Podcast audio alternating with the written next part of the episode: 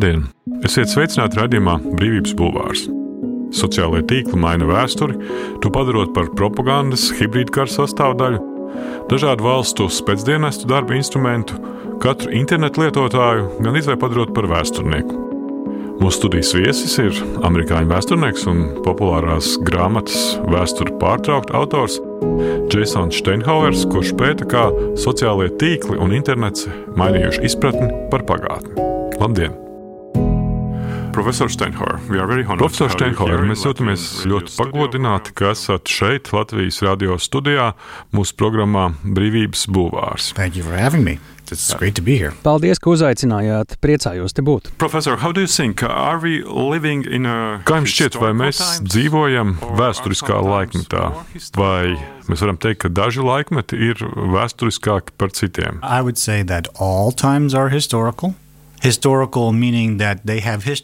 Es teiktu, ka visi laikmeti ir vēsturiski. Vēsturiski tādā nozīmē, ka par tiem iespējams rakstīt vēsturi, un par mūsu laikmetu noteikti tiks rakstīts vēsturē. Protams, pieņemot, ka nākotnē vēl būs vēsturnieki. To nevar zināt. Tāpat jāpieņem, ka mēs turpināsim pastāvēt, arī to nevar zināt. Taču pieņemot, ka vēsturnieki būs, viņi rakstīs par šo laiku. Šīs laikmets radīs daudz jautājumu. Tāpat tas ironiskā kārtā tā varētu būt laikmets, par kuru nepaliks daudz liecību. Varam vēl parunāt, kāpēc tā. Tomēr ik viens brīdis, ik viena ēra ir interesanta un unikāla savā veidā un izvirza jautājumus, uz kuriem nākotnes zinātniekiem būs jāsniedz atbildes questions that will need to be answered by future scholars. You? Jūs uzskatāt, ka mums ir jāuzlabo savas zināšanas par to, kā digitālās tehnoloģijas veido mūsu izpratni par pagātni. Yeah. Ko tas, jūsuprāt, nu, šāda zināšanu iemantošana varētu nozīmēt attiecībā par nākotni? Yeah, I'd say that uh, everything that happened up until right Jā, es teiktu, ka viss, kas noticis līdz šim brīdim, ir pagātne. Pagātne bija brīdis, kad ienācu šajā telpā, kad mēs ārā satikāmies pirms desmit minūtēm. Vēsture ir mūsu spriedumi par pagātni. To pamatā ir liecības. Neviens no mums nedzīvoja 17. gadsimtā, taču no tā laika saglabājušās liecības par to, kas varētu būt noticis. Balstoties uz šīm liecībām, mēs veidojam spriedumus, spriežam par to, ko zinām un ko iedomājamies zinām. Tāpēc es vēsturi uzskatu par nemitīgi mainīgiem spriedumiem. Mēs visu laiku atrodam jaunas liecības un izmantojam tās, veidojot faktos balstītas hipotēzes, pētījumus par to, kas būtu varējis notikt pagātnē un kāpēc noticis tas, kas noticis. Šie spriedumi attīstās un mainās, nāk jauni pētnieki, uzdod jaunus jautājumus jautājumus, tiek atklāti jauni pierādījumi, un tas, kas mums šķiet zināms par pagātni, mūsu radītie spriedumi par to un mūsu viedoklis par to, kāpēc kaut kas ir noticis, tas viss mainās. Kas ir tas, kā jūs sākāt nodarboties ar vēstures pētniecību? Vai jūs pētat vēsturi tāpēc, lai izprastu kaut kādas konkrētas mūsdienu norises? Jūs it kā daļai atbildējāt, taču varbūt ir vēl kaut kāda jūsu personiskā motivācija tieši tieši kļūt par vēsturnieku? Vai tie ir kaut kādi pagātnes procesi, vai arī varbūt tie ir kaut kādi tagadnes procesi, ko jūs vēlaties izprast? Yeah, well, uh, my grandparents were Holocaust survivors. Mani uh, vecvecāki izdzīvoja holokaustā. Mani vecvecāki nāca no Polijas. Pirms kara viņi nebija pazīstami, viņi satikās pēc kara. Mans vectēvs uh, izdzīvoja slēpjoties kādā lauku saimniecībā. Mana vecā māte izdzīvoja bēguļojot kopā ar partizāniem mežā. Pēc Pēc kara viņi satikās un nokļuva pārvietoto personu nometnē pie Ulmas Vācijā. Tur piedzima mana māte. Vēlāk viņa nonāca Kanādā um, un ASV. Tā nu šie vēstures jautājumi vienmēr ir bijuši klātesoši jau no mazotnes. Es atceros runas par holokaustu un Otro pasaules karu jau no agras bērnības. Tāpēc man vienmēr bijuši jautājumi par pagātni, par to, kā vēsture veido manu paša identitāti, kā tā definējusi manas ģimenes pieredzi, kā mēs raugāmies uz sevi, kā domājam par sevi. Holokaustu pārdzīvojuši cilvēku identitāte, šādu cilvēku mazbērna identitāte, tā man bijusi svarīga kopš vien sevi atceros. Tā nu tas viss baroja un veidoja manu zinātnākāri par vēsturi un vēlmi saprast, kā cilvēki ar vēstures palīdzību skaidro savu realitāti un identitāti. Es domāju, tas man ir nerimtīgi interesējis kopš vien sevi atceros. Internets ir mainījis pagātni. Sociālajie mēdīji, Wikipēdija, mobīlie tīkli, kā arī tīmekļa virālā un vizuālā daba ir pārpludinājusi mūsu publisko sfēru ar vēsturisku informāciju un dezinformāciju, mainot mūsu zināšanas par vēsturi un vēsturi kā disciplīnu. Kāpēc vēsturē vispār ir nozīme? Kāda nozīme ir vēsturē un pagātnē mūsu demokrātijā, ekonomikā, izpratnē par mums pašiem Jaunās desmitgades sākumā, pieaugot politiskai sašķeltībai visā pasaulē, šī informācija ir ļoti svarīga iesaistītajiem pilsoņiem. Tā kā mēs cīnāmies ar tehnoloģiju ietekmi un to spēju destabilizēt mūsu sabiedrību, zinātniekiem, pedagogiem un plašākai sabiedrībai jāapzinās, ka tīmeklis un sociālajie mēdīji veido to, ko mēs zinām par sevi un kas ir būtiski par mūsu pagātni. Tā grāmatas pārtrauktā vēsture ievadā raksta Jasons Steinhauers. Viena no jūsu tezēm ir tāda, ka vēsture un sociālajie tīkli darbojas ļoti atšķirīgi. Un sociālajie mēdīji ir stipri pārveidojuši tieši mūsu pagātnes pasniegšanas veidu ko ir iespējams novērot. Taču kāda ir tā fundamentālākā problēma saistībā ar to, vai zinām, ka jebkurš blogeris var būt tikt uzskatīts par žurnālistu vai rakstnieku, vai jebkurš, kurš raksta par vēsturi, arī būtu uzskatāms par vēsturnieku. Yeah, well, uh, there's a couple things there in your question. So the first is this question about Jā, jūsu jautājumā ir vairāki aspekti. Pirmais ir par informācijas kontroli un robežām. Grāmatā es runāju par to, ka tīmeklis un sociālie tīkli ir sagriezuši kājām gaisā tradicionālos lineāros informācijas kontrolas mehānismus, kas tādās profesijās kā žurnālistika un vēsture ir pastāvējuši ilgu laiku. Agrāk, lai tevi uzskatītu par vēsturnieku, bija jāiegūst bakalaura grāds, maģistra grāds, jātiek pie doktora grāda, jāveic kaut kāda pēcdoktorantūra, un visbeidzot jākļūst par asistentu, asociēto profesoru un tad kādu dienu par pilntiesīgu profesoru. Lai līdzgaitnieki, kolēģi un plašāka sabiedrība tevi uzskatītu par vēsturnieku, bija jāiet šāds lineārs ceļš. Internets to visu ir sagriezis kājām gaisā. Tīmeklī iespējams rakstīt blogus, ierakstus, likt īsus video, un interneta lietotāji, žurnālisti un citi sabiedrības locekļi Viņus var uzskatīt par vēsturniekiem. Tāpēc kaut kādā mērā internets ir atņēmis informācijas kontrolas funkciju, kas agrāk bija žurnālistikai, vēstures zinātnē un zinātnē vispār. Ne pilnībā, taču zināmā mērā. Un tam ir arī labās puses. Jo, piemēram, vēstures profesijā, vismaz ASV, šī lineārā informācijas kontrolas sistēma bieži vien atturēja cilvēkus no šīs profesijas cilvēkus ar dažādu izcelsmi, cilvēkus no marginalizētām populācijas daļām. Tas, ka vēsture kļūst iekļaujošāka, demokrātiskāka un politiski pluralistiskāka, nav nekas ļauns, taču grāmatā es pieminu vēl kādu aspektu. Tas radīs vietu dezinformācijas kampaņām, propagandai, sazvērstības teorijām, citiem noziedzīgiem tēliem, kas izmanto tīmekli un sociālos tīklus kā iespēju izplatīt faktos nebalstītus vēsturiskos narratīvus varbūt pat narratīvs bez pietiekoša loģiskā pamata. Un tas tiek pasniegts kā vēsture. Tāpēc grāmata runā par nepieciešamību palīdzēt cilvēkiem izprast un atšķirt labus vēsturiskos spriedumus no sliktiem. Un kā tīmekļa vidē atšķirt, vai kaut kāda e-vēstures informācija nāk no profesionāla vēsturnieka vai no dezinformatora, kurš uzdodas par vēsturnieku. Nu, piemēram, Krievijas informācijas aģentūra varētu varētu likt šajā kategorijā. Right. And, and it puts a lot of pressure on information consumers to decide Jā. this for Informācijas patērētājiem tas rada lielu izaicinājumu. Viņiem to jāspēj saprast pašiem. Internetā ir ļoti viegli slēpt savu identitāti, padarīt neskaidras savas kvalifikācijas. Nedaudz labāk saprotot tiešsaistes vēstures pasauli, mūsuprāt, iespējams palīdzēt informācijas patērētājiem kļūt zinošākiem, sniegt viņiem rīkus, lai uzdotu būtiskus jautājumus par ikdienā sastopamo interneta saturu.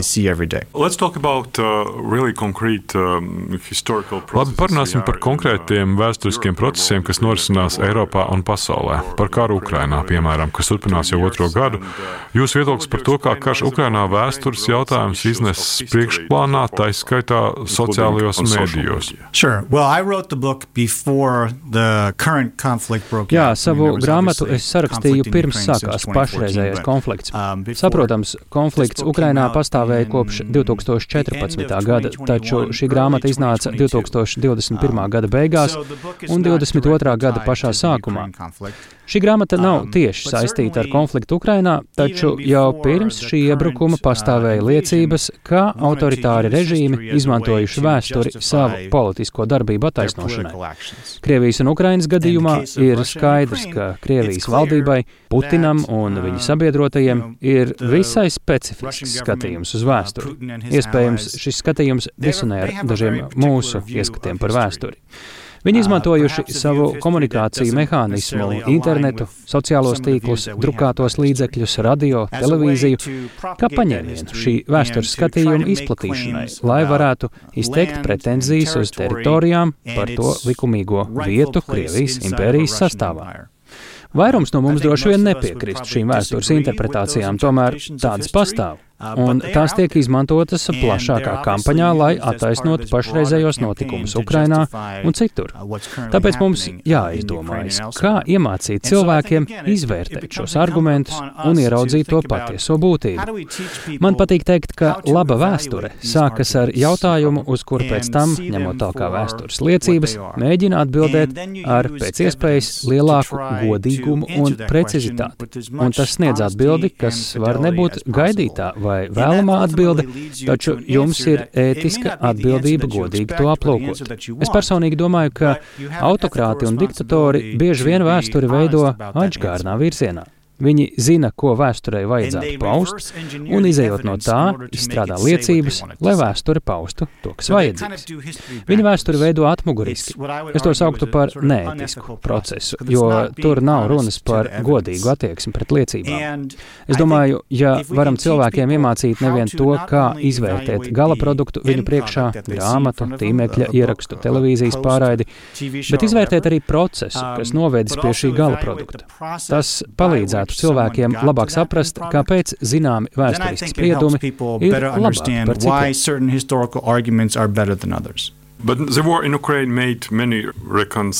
Karš Ukrainā daudziem līdzas un joprojām liek pārskatīt mūsu priekšstats par Krievijas impērijas vēsturi vispār, arī 19. gadsimta vēsturi un attiecīgi modulēt iespējamo nākotni.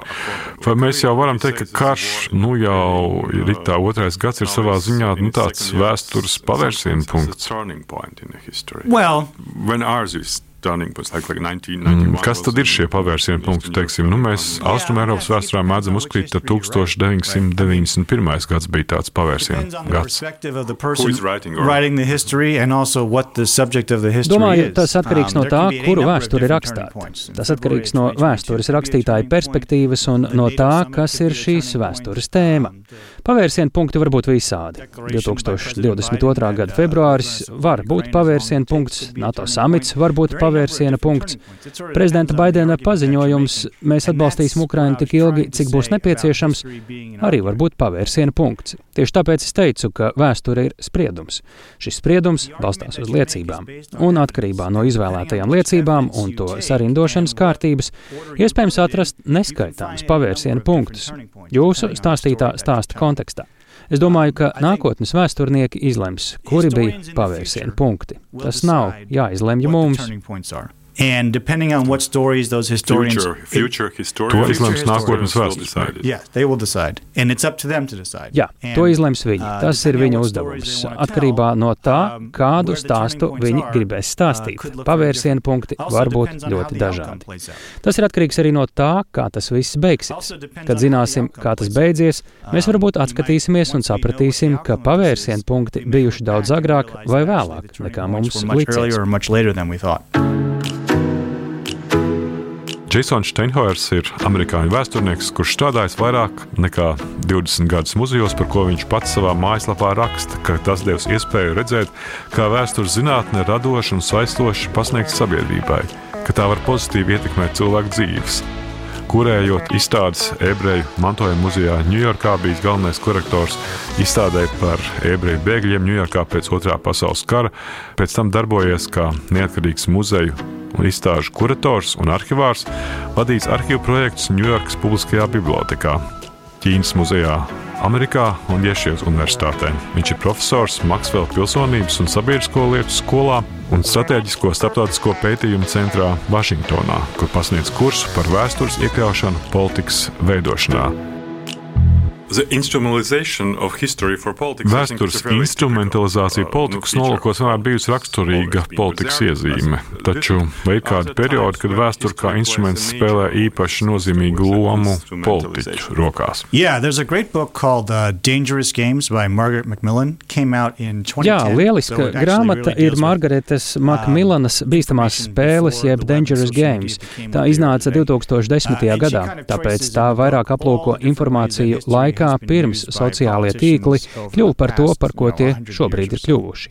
Viņa uzskaita dažādus paņēmienus, kā politiķi pēdējo simt gadu laikā ir izmantojuši vēsturi. Vai tā būtu Kanāda, ASV, Balkāni, Baltija, Krievija, Izraela, Ķīna. Vēlētas amatpersonas un politiķi piesaukuši vēsturi savu politisko un ekonomisko mērķu labā, lai uzvarētu vēlēšanās. Tas ir pazīstams stāsts, un tas nav nekas jauns. Taču mūsdienu tehnoloģijas maina to, kā tas tiek darīts, maina ātrumu, kādā informācija izplatās pasaulē.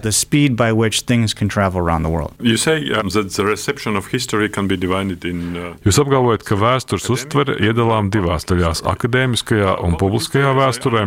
Publiskā vēsture, kā sapratu, ir relatīvi jauns termins, kas radies 70. gados. Kāpēc tieši šai laikā? Yeah, so...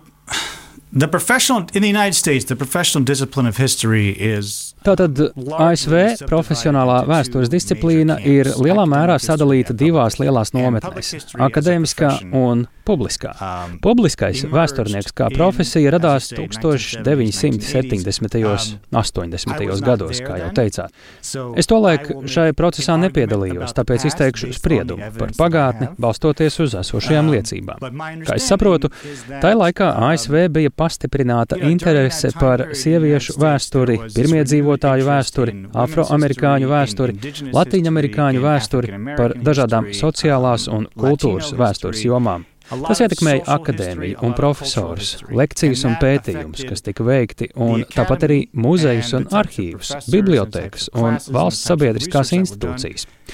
Tās centās būt vairāk sasaistē ar apkārtējo kopienu, iepludināt publiskajā sfērā dažādus pagātnes stāstus, dažādus pagātnes liecības. Līdz ar to radās tāds priekšstats, kā dalītās pilnvaras. Tātad nav tā, ka vēsturnieks visu zina un viņam tas tikai jāizstāsta cilvēkiem. Patiesībā mūsu kopienas var daudz ko pavēstīt mums par pagātni, par vēsturi. Un starp vēsturnieku un tā kopienu jābūt appusēji dialektiskām attiecībām. Tā radās dalīto pilnvaru jēdziens un ideja par vēstures veidošanu kopā arī ar sabiedrību. 1976. gadā bija ASV 200 gadi. Tās rezultātā radās daudzi muzeji un bibliotēkas. Tas viss notika ap to pašu laiku un veicināja to, ko mēs tagad saucam par publisko vēsturi. Publiskie vēsturnieki sadarbojas ar kopienām, lai stāstītu stāstus, vāktu liecības un veidotu spriedumus par pagātni. Mūsdienās publiskā vēsture ir ļoti plaša profesija. Ir pat publiskās vēstures starptautiskā federācija. Pērn es biju uz tās konferences Berlīnē. Publiskie vēsturnieki ir visā pasaulē, tā skaitā Latvijā. Okupācijas muzejā ir publiskās vēstures nodaļa.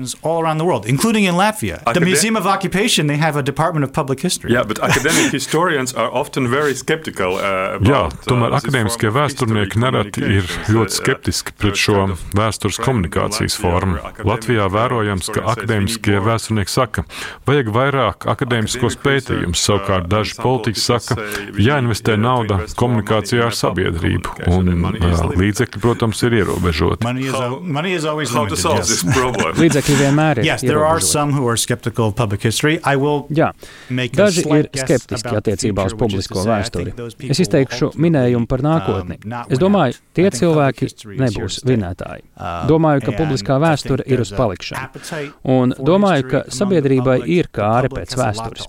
Un sabiedrībai ir daudz ko piedāvāt saistībā ar spriedumu veidošanu par pagātni. Domāju, ka publiskā vēsture turpinās pastāvēt daudzu pauģu garumā.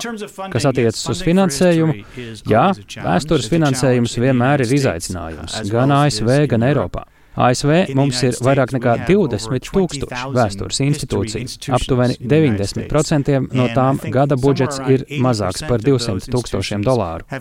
Nereti tās vada brīvprātīgie vai viens, divi pilna laika darbinieki. Godīgi sakot, gan publiskajā, gan akadēmiskajā vēsturē ir ļoti grūti saņemt finansējumu. Es teiktu, ka papildu finansējums nepieciešams tam visam, un ka tai nebūtu jābūt sacensībai. Drīzāk Šiem vēstures novirzieniem būtu jāsadarbojas, lai piesaistītu līdzekļus, censtos iegūt atbalstu un dalītos zināšanās ar plašāku sabiedrību, kā arī ar citiem pētniekiem. Savā grāmatā pārtrauktā vēsture Jasons Steinhors ievieš jēdzienu e-vēsture. Vēsture, kuras saturs rodams sociālajos mēdījos. E-vēsture lietotājiem rada tādu kā pašpietiekamības efektu, sajūtu, ka lietotājs pietiekami labi pārzina vēsturi, lai piedalītos jebkurā diskusijā, kas tobrīd notiek. Vai tā būtu par Donaldu Trumpu, Brexit, konfederātu pieminekļiem vai akciju Black Lives Matter. Jasons Steinhors savā grāmatā raksta, ka Z paudze uzskata, ka sociālo mēdīju sniegtās zināšanas, nu, piemēram, Wikipēdija, sociālajie plašsaziņas līdzekļi, ir autoritatīvākas nekā viena eksperta zināšanas. E-history, which seems, I would say, more Šķiet, ka te vairāk ir jautājums par vēstures avotiem un veidu, kā tiek uh, izplatīts vēstures saturs. E-vēsture ir atsevišķas mediju paketes, kas paņem pagātnes elementus un iesaiņo tos izmantošanai internetā, un pēc tam manipulē ar sociālajiem tīkliem, lai panāktu redzamību. Tāda ir e-vēstures definīcija manā grāmatā. Tātad runa nav tikai par komunikācijas norises vietu, vai tas būtu tiešsaistē vai kādā digitālā platformā.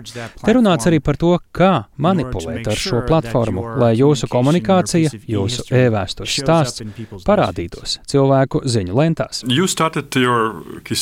Work, uh, Jūs sākāt savu vēsturnieka karjeru Holokausta muzejā Ņujorkā. Holokausts ir viena no tām 20. gadsimta lielākajām lielākajām traģēdijām, kas ļoti bieži tikusi instrumentalizēta politikā un, attiecīgi, arī komunikācijā. Un arī tagad Putins un viņa propagandas mašinērija atdzīvina nacismu konceptu savā propagandā saistībā ar Ukraiņas prezidenta tautību, piemēram. Šķiet, Krievijas līderis uzbruka Zeļenskim saistībā ar viņa ebreju izcelsmi.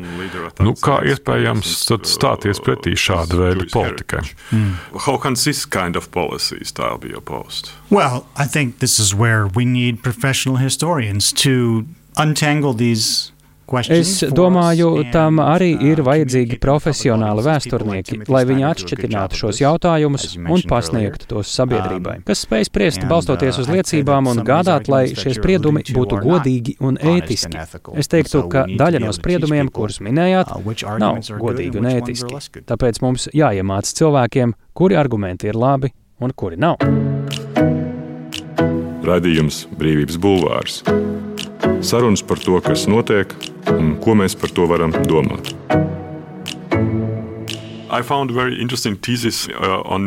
Jūsu interneta lapā atradu tādu interesantu tēzi par tēmu, kas ir ļoti aktuāla arī Latvijā. Jūs rakstāt, statujas mums vairāk atklāja par pieminekļiem, kuros tās uzstādīts vairāk nekā tajās atainotajām personām. Jūs rakstāt savā blogā, sabiedrības mainās, statujas iemanto jaunu nozīmi un zaudē veco. Nevajag tam pretoties, tas ir jāpieņem. Mums nevajadzētu turēties pie uzskata, ka mēs mainām vēsturi. Vēsture vienmēr mainās, un vai mēs tajā piedalāmies vai ne. Vēsture mainās, taču ko jūs iesakāt darīt tieši ar tām vecajām statujām publiskajā vidē, ja tās zaudējuši to nozīmi, kuru dēļ tikušas uzstādītas? Nu, piemēram, Krievu tanks Tīrgartenes parkā Berlīnē. Vai tas būtu, jūsuprāt, jāizvāc? Well, I would say I'm a big believer in democracy, and so I think that. Um, es ļoti ticu demokrātijai, uh, tāpēc uzskatu, ka kopienas pašas spēj izlemt, ko grib darīt ar savām statujām. Uh, Tas nav man jāsaka. Ja cilvēki nobalso par to, lai statujas tiktu novāktas, tās var novākt. Galvenais tajā izteikumā bija tas, ka mūsu vēstures izpratne nemitīgi attīstās un mainās. Mūsu spriedumi par vēsturi nemitīgi mainās. Uh, Tāpat arī tas, kā mēs uztveram statujas un pieminekļus savā apkārtnē. Mums nav obligāti kaut kas jāpatur tāpēc vien, ka tas tur kādu laiku ir stāvējis. Mums ir iespēja to aizvākt. Tā ir mūsu darīšana. Mūsu viedoklis var mainīties, filozofiskais skatījums var mainīties, mūsu izpratne par to, kāpēc piemineklis uzstādīts, var mainīties. Tāpēc mums ir iespēja aizvākt to, ko vairs negribam. Uh, Ielikt šos pieminekļus kādā muzejā, parkā, paskaidrot ar papildu interpretāciju, vai arī atstāt turpat. Taču es domāju, tas ir lēmums, ko demokrātiskas valstis, demokrātiskas kopienas ideālā gadījumā pieņemtu pašas.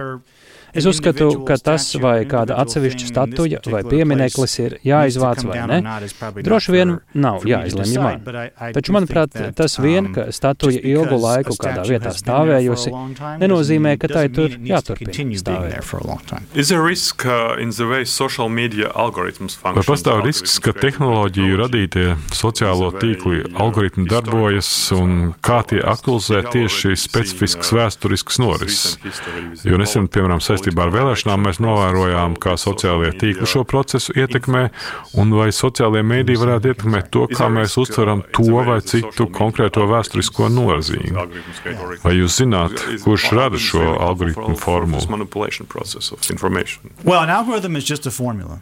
Right. Algoritms so tā vienkārši ir formula. Jājautā, kas tiek ielikts šajā formulā kurš šo formulu rada un kādi pieņēmumi tajā iestrādā. Jā. Lielām platformām šādas formulas veidojas laika gaitā. Pamatā ir algoritms, kas izveidots kaut kad pirms vairākiem gadiem. Tas nemitīgi tiek pielabots, attīstās, tiek apsvērti dažādi aspekti, šis tas kļūst svarīgāks, kaut kas tiek atmests, kaut kas nāk klāt. Tāpēc nevar teikt, ka to rada viens cilvēks. Tomēr algoritms kā formula pavēsta, cik liela nozīme jāpiešķir noteiktai lietai. Un balstoties uz to, tev tiek dots vairāk no tās pašas tēmas. Ja algoritms konstatē, ka tu pārsvarā skaties futbola video, it īpaši Latvijas futbolu un it īpaši konkrētu futbola komandu, tas secinās, ka jārāda tev vairāk šo Latvijas futbola komandu. Tā ir tikai formula, prognozējoša formula. Un tāpēc, jā, ja to piemēro politikai, noteikti pastāv bīstamība. Tas viegli var mūs novest filtru burbulī, kad mēs nemitīgi redzam vienu un to pašu saturu. Tas var veicināt polarizāciju, izplatīt dezinformāciju. Visi šie bīstamie faktori pastāv, ja ļaujam formulai izvērtēt to, ko vajadzētu izvērtēt cilvēkam. Tas ir viens no iemesliem, kāpēc cilvēki ir bijuši tik kritiski pret tādām platformām kā Facebook vai Twitter jo viņu algoritmu formulas nav līdz galam izprotamas, taču tām ir uh, milzīga ietekme uz to, ko cilvēki zina par pasauli, tā izskaitā par politiku un vēsturi. Tad, ko jūs ieteiktu darīt? Ko cilvēki var darīt, izprast, kurš ko publicējis? Es teiktu, ka mums būtu sabiedrība jāizglīto par to, kā sociālo tīklu platformas darbojas un kāpēc noteikti cilvēki redz noteiktu saturu. Yeah. If I see, for example, some nu, nu, es, piemēram, redzu nezinu, nostalģiskus attēlus par padomju impēriju, laiku pa laikam savā mhm. Facebook uh, lentē. Es vienmēr brīnos, kāpēc tie tur parādās. Well, Facebook, Facebook uh, dod priekšroku so nostalģijai, tāpēc. Thank you, profesor Steinhauer. Paldies uh, profesoram Steinhaueram. Mans vārds ir Gins Krūbe. Radījumu ierakstīja Toms Šits un montēja Nora Mitspapa. Thank you again. Brīvība ir brīvība. Nevienlīdzība vai taisnīgums, vai kultūra, vai cilvēks laime. Tā teica Iesai Berlīns. Sarunas ar brīvas apziņas un ideju cilvēkiem radījumā Brīvības bulvārs.